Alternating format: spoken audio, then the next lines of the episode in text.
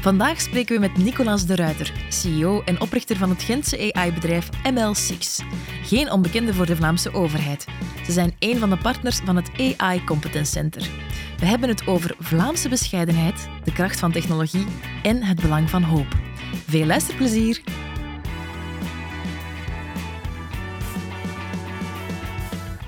Welkom, Nicola. Jij bent oprichter van ML6.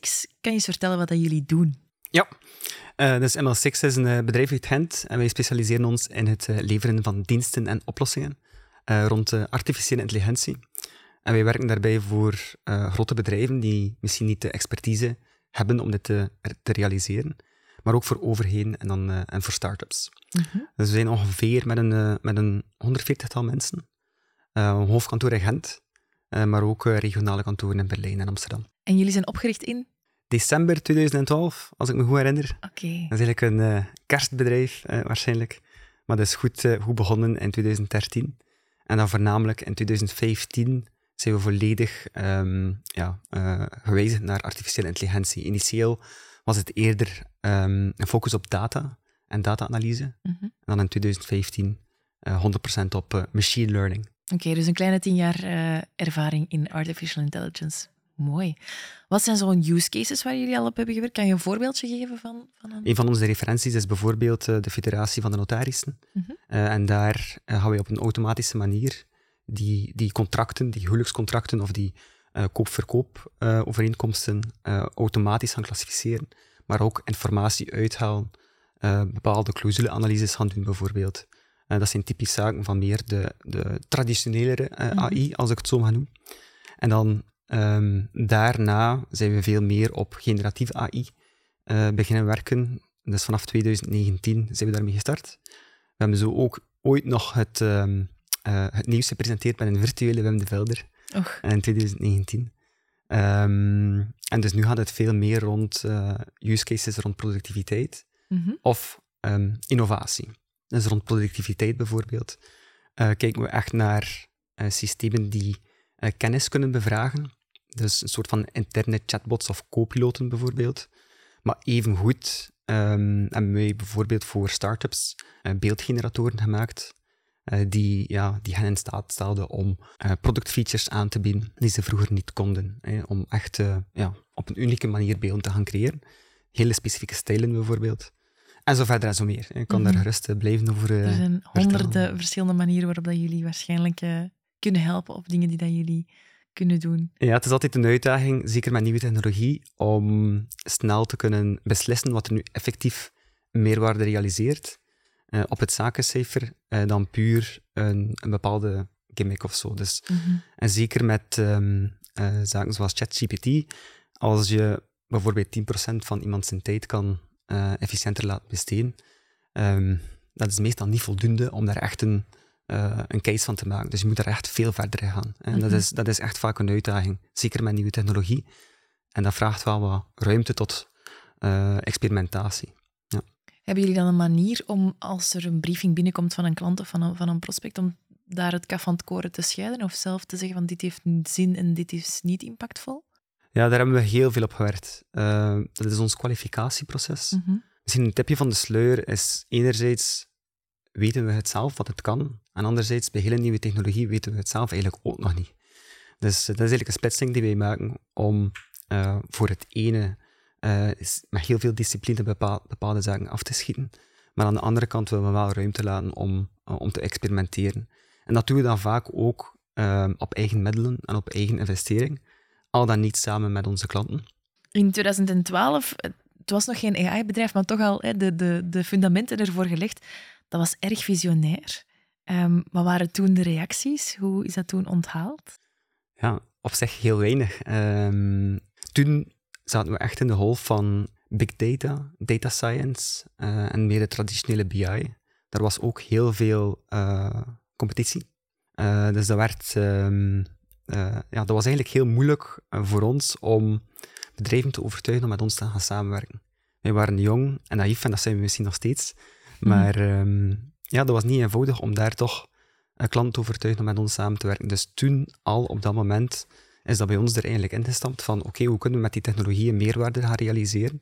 de allereerste klanten hebben, mij en het bedrijf enorm gevormd. Mijn eerste klant was een, was een, een drankenbedrijf in West-Vlaanderen. En daar had de zaakvoerder echt heel sterk mij duidelijk gemaakt van kijk Nicolas, je mocht één keer proberen. en dan moet je tonen hoeveel dat het mij heeft opgebracht. En anders moet je niet meer terugkomen. En dus uh, zo'n zaken zorgen er wel voor dat je echt gepusht wordt om ja, echt die, die, die meerwaarde te gaan realiseren. Uh, maar dat was heel moeilijk in die tijd om, om van start te geraken. En dat is nu weer een beetje hetzelfde moment dan met generatieve AI. Mm Is nu weer zo'n moment van, oké, uh, nieuwe technologie, moeilijk, hoe gaan we er meerwaarde mee gaan realiseren? En daar moeten we echt heel, heel gedisciplineerd mee aan de slag gaan. Maar de uitdaging is dan misschien wel vandaag iets anders, waar je in, begin, of in de begindagen mensen moest gaan overtuigen of klanten moest gaan overtuigen. Denk ik niet dat dat vandaag nog een, uh, een probleem vormt. Of... Het, krijgt, het krijgt meer aandacht en op een hoger niveau. Dus het maakt het wel makkelijker om, voor ons althans, ook al omdat we een bepaalde grootte hebben, om die eerste gesprekken te voeren. Maar desondanks is het wel nog steeds echt een uitdaging om die uh, die goede cases te, te, vinden en te mhm. realiseren. Dat blijft uh, altijd dezelfde uitdaging. Ja. ja. het is eerder inderdaad de goede cases of de goede projecten eruit te pikken langs jullie kant dan. Ja, en um, ja, daar gewoon eerlijk over te zijn van wat dat werkt en wat dat niet werkt. Wat, wat ik wel merk is dat het veel sneller gaat dan, dan vroeger. Uh, dus vroeger, in iedere technologische cyclus, um, heb je technologie die ontstaat vroeger in een, in een onderzoeksinstelling. Mhm. Dan werden daar producten van gemaakt, dan eventueel een platform. En dan uiteindelijk een, een commodity component zoals een API. Wat je nu ziet is dat die stap van onderzoek naar API eigenlijk bijna instant wordt genomen. Hè. Zoals mhm. bijvoorbeeld met ChatGPT, die het achterliggende taalmodel kan je eigenlijk, uh, daar kan je zo mee aan de slag. En dus uh, de wereld verandert, uh, technologie gaat sneller en wij moeten ons daar ook ja, aan aanpassen. Mm Dus het maakt het wel, uh, wel uitdagender in, in die zin. Wat zijn nog uitdagingen die je ziet op vlak van artificial intelligence vandaag? Valt zien hoe je ernaar kijkt natuurlijk. Misschien gewoon vanuit, uh, vanuit mijn persoonlijk perspectief. Wat, wat ik zie is dat een aantal grote bedrijven die technologie domineren. En als die technologie uh, gerealiseerd wordt, dan heeft dat meteen een impact op ons allemaal. Um, dus bijvoorbeeld, toen ChatGPT uitkwam, was dat voor iedere leerkracht overal ter wereld, die had dezelfde, diezelfde vraag van hoe moet ik hier nu mijn, eh, mijn huiswerk uh, nog gaan maken? En dat is meteen een globale impact uh, van een technologie die gerealiseerd wordt binnen een, een commercieel bedrijf. En, dus, um, en dat is wel een uitdaging die we als maatschappij, die ook voor ons wel een stuk nieuw is, denk ik. Dus dat, dat, dat vind ik belangrijk. Een, een tweede, iets wat ik, wat ik belangrijk vind en een uitdaging vind, is dat uh, de, de nefaste effecten zijn soms moeilijk in te schatten. Dus bijvoorbeeld, in onze wereld zijn de onderzoekers heel liberaal en democratisch en worden ideeën vrij gedeeld, maar ook technologie. Uh, open bron technologie, uh, zo hebben wij ook kunnen leren van die technologie. Maar dan um, heb je, je hebt het misschien ook gezien, een aantal weken geleden waren er in de pers berichten van naaktfoto's die gecreëerd werden van, van kinderen. Um, en dat zijn eigenlijk zaken ja, mensen realiseren technologie met hele goede bedoeling, maar het is heel moeilijk om de nefaste effecten daarvan in te, in te schatten. Mhm. Dus ik denk ook daar uh, mogen we niet te naïef zijn. Hoe gaan jullie daarmee om als bedrijf? Ja, dus wij volgen de verschillende wetgeving heel nauw op. We hebben een, uh, ethisch, een ethisch departement, maar ook een legaal departement. Uh, dus een van de zaken die wij ons opleggen, want die wetgeving is nog niet in voegen, um, is dat wij onszelf verplichten om na te gaan hoe die technologie in, in een vaste manier kan gebruikt worden. Ja. Dus om u een voorbeeld te geven, uh, wij hebben een uh, herbruikbare componenten gemaakt om data te creëren. Uh, voor die grote taalmodellen of beeldgeneratoren is er heel veel data nodig. En wij hebben een systeem gemaakt die ons in staat stelt om ja, data van het internet te halen, maar enkel die data die niet auteursrechtelijk beschermd is. Ah, ja. Evengoed kunnen wij daar uh, naaktbeelden uit gaan filteren, bijvoorbeeld. En wij kunnen er ook voor zorgen dat ons framework niet kan gebruikt worden, technologisch dan, om dat wel uh, op een slechte manier te gaan gebruiken. Maar dat vraagt tijd, uh, dat vraagt ja, denkwerk. Denkwerk, absoluut. En um, ja, daar, daar, zo proberen wij daar dan ja. mee om te gaan. Hè. Dus jullie hebben eigenlijk professionele worst-case scenario-denkers in dienst bij ML6. Ik denk gewoon dat, dat de meesten bij ons zijn vrij gepassioneerd over hetgeen wat we doen. En we willen echt oprecht het juiste en het goede doen. Dus we spenderen er wel tijd aan om, dat, mhm. om daarover na te denken. Maar ook wij kunnen ook niet alles. ehm, ehm, ja, nee, uiteraard, Ja. uiteraard. Er hangt ook een, een sfeer van angst rondom eh, artificial intelligence. Wat is jouw visie daarop? Ehm, sowieso is de sfeer van angst veel groter dan de sfeer van het eh, opportunisme. Ehm, je hebt eh, volgens mij twee grote groepen. Mensen die echt techno-optimist zijn, maar die is eigenlijk veel kleiner dan de mensen die daar wat, eh, wat angstiger tegenover staan. Ehm, maar angst is de, is de tegenhanger ook van, van hoop, denk ik. En ik denk dat daar, ehm mits de juiste communicatie, er wel mogelijkheden zijn om, daar, om, om die angst toch voor een stuk ook weg te nemen. Mhm. We zien het bij ieder, ook bij no AI-systeem, hebben we het ook gezien. Uiteindelijk is het systeem eerst ehm, niet goed genoeg, dan is het even goed en dan is het eigenlijk beter dan de mens. En met generatieve AI is dat net hetzelfde, zullen we opnieuw diezelfde eh, cyclus zien. Maar het blijft wel een hele uitdaging en dat is enorm moeilijk om, ehm, om, om die menselijke verandering, eh, om- om dat goed te doen. Mhm. Ehm, en ik denk dat daar, ja, wij proberen zoveel als mogelijk die angst wat weg te nemen, eh, door ehm, heel veel eh, te communiceren, maar ook heel veel ehm, te leren en, en voorbeelden te laten zien. En mensen er voornamelijk van in het begin bij te betrekken. En stapsgewijs vooruit te gaan. Maar het blijft wel een grote uitdaging om dat, om dat goed te doen. En het is moeilijk om daar een, om één antwoord op te geven. Eh, maar daar voornamelijk heel bewust mee omgaan, heel duidelijk communiceren, is, eh, is al een goede eerste stap. Mhm. Ja. Als je zegt van wij als ML6, wij proberen er ook heel transparant over te communiceren, waar kunnen luisteraars bijvoorbeeld jullie communicatie terugvinden? Of? En sowieso op onze websites en op onze blogs. Eh, maar wij organiseren vrij veel events, van ehm, ja, meetups bijvoorbeeld. Eh, vooral in het Gentse, waarbij dat, eh, mensen, ja, iedereen kan erop langskomen en met onze ingenieurs in gesprek gaan eh, en leren hoe dat wij het doen bijvoorbeeld. Dat is, eh, dat is geen probleem. Ehm, dan eh, gaan we ook vaak zelf ook spreken op ehm, events van andere ehm, organisatoren. Maar heel vaak vanuit een, een soort van een technische, technische Mhm. context. Ja. En je haalde daarnet ook de tech-community in, in Vlaanderen aan. Wat is daar de, de, het leidende, de leidende visie? Zijn dat vooral tech-optimisten dan? Ja, toch wel. Ik denk wel dat wij toch wel wat in onze bubbel eh, leven. Ik denk dat, dat ik er zelf persoonlijk al een beetje uitgestapt ben. Ik merk wel enorm veel optimisme, eh, heel veel opportunisme Mhm. om, om business te doen. Maar ik denk dat dat toch nog te sterk onderschat wordt wat dat de maatschappelijke impact is, de sociaal-maatschappelijke impact is van deze technologie. Maar wat er meer leeft is van net die verhalen van bijvoorbeeld de leerkrachten van daarnet. Eh, dat zijn zaken die gebeuren ook buiten onze goede bedoeling. Ehm, en daar is dan meer de mentaliteit van ja, laat ons er het beste van maken en, en ervoor zorgen dat het zeker in onze regio dan op de juiste Mhm. manier gebeurt. Eh, maar laat ons het vooral omarmen en, ehm, en, en ja, meerwaarde mee realiseren. En de Mhm. positieve effecten eh, ervan, ervan, eh, ervan capteren. Ja. Artificial intelligence is natuurlijk iets nieuws, iets eh, dat blinkt en dat eh, onze ogen uitsteekt. Wat zeg je tegen mensen die naar ons toe komen hollen en zeggen we moeten iets gaan doen met artificial intelligence of met ChatGPT? Ja, dus dat is, eh, dat is het ding. Hè. Je mag niet, en dat is zeer verleidelijk, maar je mag niet het, de shiny new object gaan nahollen. Hè.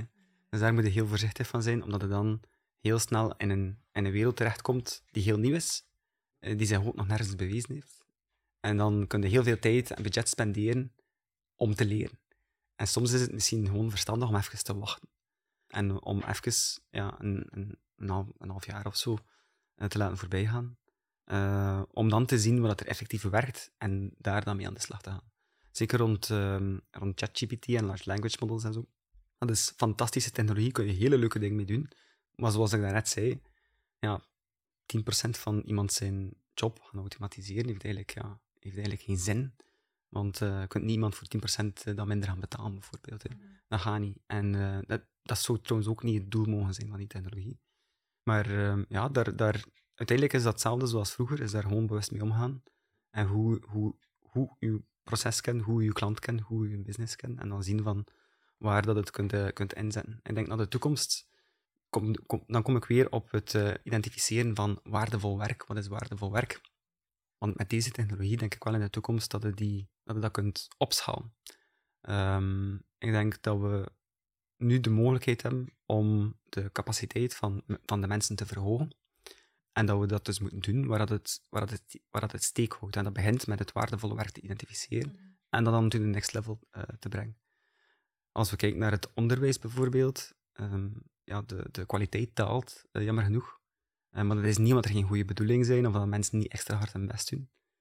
Um, ik denk dat met deze technologie dat je letterlijk kunt um, ja, de goede dingen die gebeuren in het onderwijs, het persoonlijke contact, het individuele uh, leren, het individueel begeleiden. Ik denk dat deze technologie daarvoor moet ingezet worden om dat op te schalen. Niet te automatiseren, nee, maar op te schalen.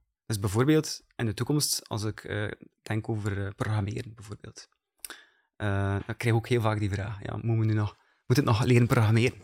Ik denk dat daar, wat we snel zullen zien, is dat net zoals leerkrachten zo'n moment hadden zullen programmeurs plots ook zo'n moment hebben, dat je eigenlijk kunt babbelen met een, met, een laptop en dat dan websites zullen gerealiseerd worden. En dat gaat voor mij niet over het automatiseren van jobs van programmeurs of om de drempel weg te nemen of de drempel te verlagen. Dat is letterlijk de volledige vloer die opgeteld wordt, waarbij dat iedereen van ons de, terug mogelijkheid heeft om te creëren.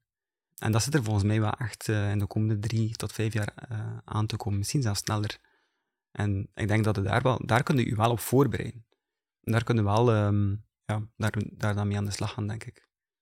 Dus uh, voor mij gaat het veel meer daarover hoe kunnen we dan die menselijke capaciteit verhogen. AI kan ook van alles betekenen in de, in de publieke sector, uiteraard. Jij stond mee aan de geboorte van het AI Competence Center bij, de, bij de Vlaamse overheid. Wat is volgens jou de impact, of wat kan de impact zijn van AI in deze context? Eerst en vooral, het zijn voornamelijk de mensen van uh, Digitaal Vlaanderen die, die het mooie Competence Center uh, realiseren. Ik denk dat de impact is heel moeilijk te becijferen, maar ik denk dat die op, misschien op drie niveaus zou kunnen zijn. Eén ehm, op, een, op mens en individu. Als we kijken naar de gezondheidszorg bijvoorbeeld en de mogelijkheden van ChatGPT. Ik geloof echt in een persoonlijke uh, assistent, een persoonlijke dokter in ons, uh, op onze telefoon bijvoorbeeld. Want uiteindelijk als we toegang hebben tot informatie die nu misschien in hoofden van mensen zitten, of in literatuur, of in het systeem van ziekenhuizen, denk ik dat we sneller uh, die informatie toegankelijk kunnen, kunnen maken. Maar evengoed rond milieu en mobiliteit, um, denk ik dat er um, mogelijk geen grote impact mogelijk is. Als we kijken naar de cases die, die wij realiseren, maar ook andere op vlak van energie, en efficiëntie in de productie um, heeft zich daar die impact toch al bewezen. Mobiliteit vind ik zelf heel moeilijk, omdat er ja, de, de, de, de, factoren die een invloed hebben op mobiliteit, die zijn vaak niet in data aanwezig, maar als dat zo zou zijn, dan kunnen we daar zeker mooie dingen mee doen. En dan ten laatste is een efficiëntere overheid. Niet om te zeggen dat onze overheid niet efficiënt genoeg is, uh, maar zeker rond ja, Ehm, documentverwerking, mhm. operationele processen, zijn daar nu toch wel eh, hele mooie cases te realiseren. Uh, waardoor opnieuw misschien tijd vrijkomt om misschien wat meer persoonlijk, persoonlijke begeleiding of persoonlijke aandacht en zo, en zo verder kan, kan gerealiseerd worden. Het is heel moeilijk om te becijferen, maar daar komen we wel in de toekomst, denk ik. Ja. Wat wij ook zien binnen ons bedrijf, maar ook daarbuiten, um, ja, de bedoelingen zijn echt goed. We willen ook vanuit de digitale sector, vanuit de tech community, uh, een positieve impact realiseren op de maatschappij. En de beste manier om dat te doen is, is om uh, technologie te realiseren. Maar daarvoor, om dat te kunnen doen, um, is een bepaalde ja, open, openheid uh, nodig. Wat is volgens jou de situatie van AI in Vlaanderen vandaag en wat zal het worden morgen? Dat is een goede vraag. Um, wat ik merk is dat er bepaalde hubs zijn. Dus wij zijn bijvoorbeeld, ons kantoor is in Gent. En daar zien we toch wel een sterke hub, technologisch dan rond artificiële intelligentie. Um, ik hoop voornamelijk, omdat Vlaanderen een sterk ondernemende regio is, hoop ik echt dat deze technologie omarmd zal worden om uh, opnieuw um, ja, mooie bedrijven van de toekomst te gaan, realiseren. Tijdens de industriële revolutie was ons, onze regio ook een voorloper uh, in de adoptie van weefgetouwen en zelfs het maken van weefgetouwen. En dat heeft wel voor heel wat welvaart uh, gezorgd. Dus ik hoop dat we ook naast de bezorgdheden ook nog steeds wel open-minded zijn om met deze technologie um, ja, mooie dingen te gaan doen. Dus ik hoop dat we daar zeker in Europa een, een voorloper mogen zijn. Jullie geven jullie medewerkers tussen kerst en nieuw de vrijheid om te experimenteren met technologie, met, met ideeën. Vertel daar eens over. Onze Christmas Projects, um, eigenlijk oorspronkelijk gestart als een, meer een, een, een, beetje een ludiek idee. Um, maar dat is eigenlijk uh, tot een traditie uitgegroeid. Um, dus ja, tussen kerst en nieuw mag iedereen bij ons bedrijf uh, zelf iets kiezen waarop ze, waarop ze willen gaan werken. En ik geloof gewoon zelf als eigenaar van het bedrijf en als CEO, dat je als CEO ook een beetje de innovatieofficer uh, hoort te zijn. En mijn stijl daarin is om, is om de poort uh, open te zetten, zeg maar. Mhm. Eigenlijk om, de, om gewoon, doe maar. Um, de mensen die bij ons werken zijn, zijn, zijn toch vrij intelligent en, en creatief. Uh, zeker intelligenter dan ikzelf. En dus vind ik het dan ook correct dat zij daar ook de ruimte voor krijgen om daarmee te gaan experimenteren. daar komen van fantastische zaken uit. Ehm, van automatische dronebesturingen tot het uh, automatisch spelen van GTA 5 bijvoorbeeld uh, met de artificiële intelligentie.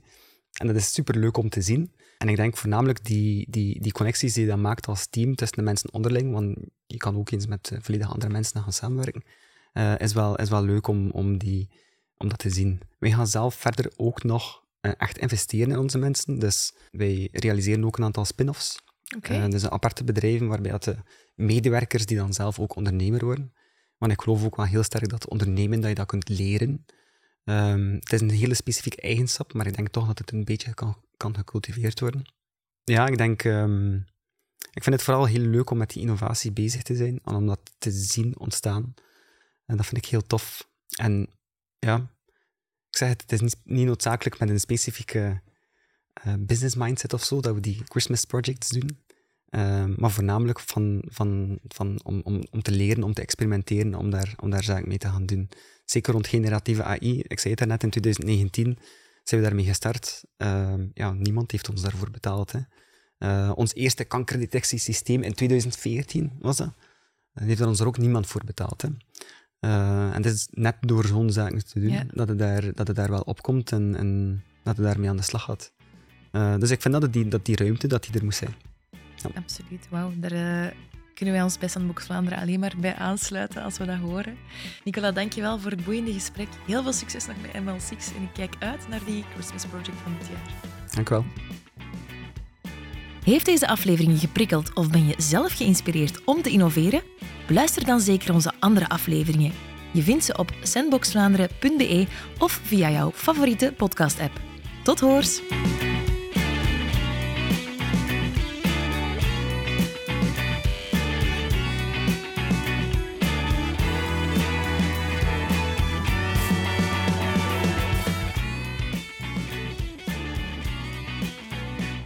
Dit was een podcast van de Vlaamse overheid.